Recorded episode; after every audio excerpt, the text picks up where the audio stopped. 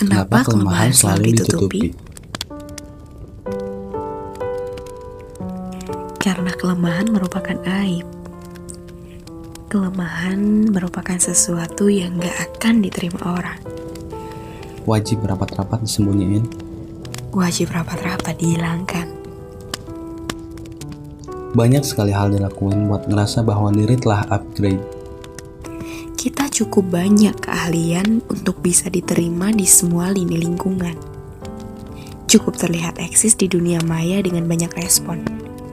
Semua hanya sebagai bentuk kamuflase agar kelemahan kita tersamarkan.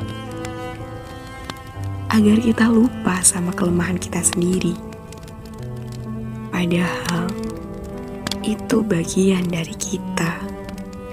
Seperti pepatah bilang, Tak ada gading yang tak retak. iya, sisi lemah kita adalah letaknya kita. Karena sejatinya manusia memang tak sempurna. Maka dalam makna lain mengandung arti. Manusia, Manusia memang memang selalu selalu punya punya kelemahan. Maka jika kita menerima kelemahan kita, berarti kita telah menjadi seperti apa yang seharusnya. Kita bilang sama diri sendiri, ini kelemahanku.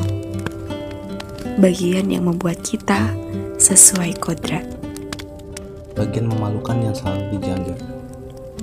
Rupanya Rupanya, dengannya kita malah seolah diberi misi. yang kita anggap kelemahan Justru malah Allah bilang itu pemberian bermakna. Sebuah tanda bahwa kita lemah dan butuh tempat mengadu. menghamba dan meminta.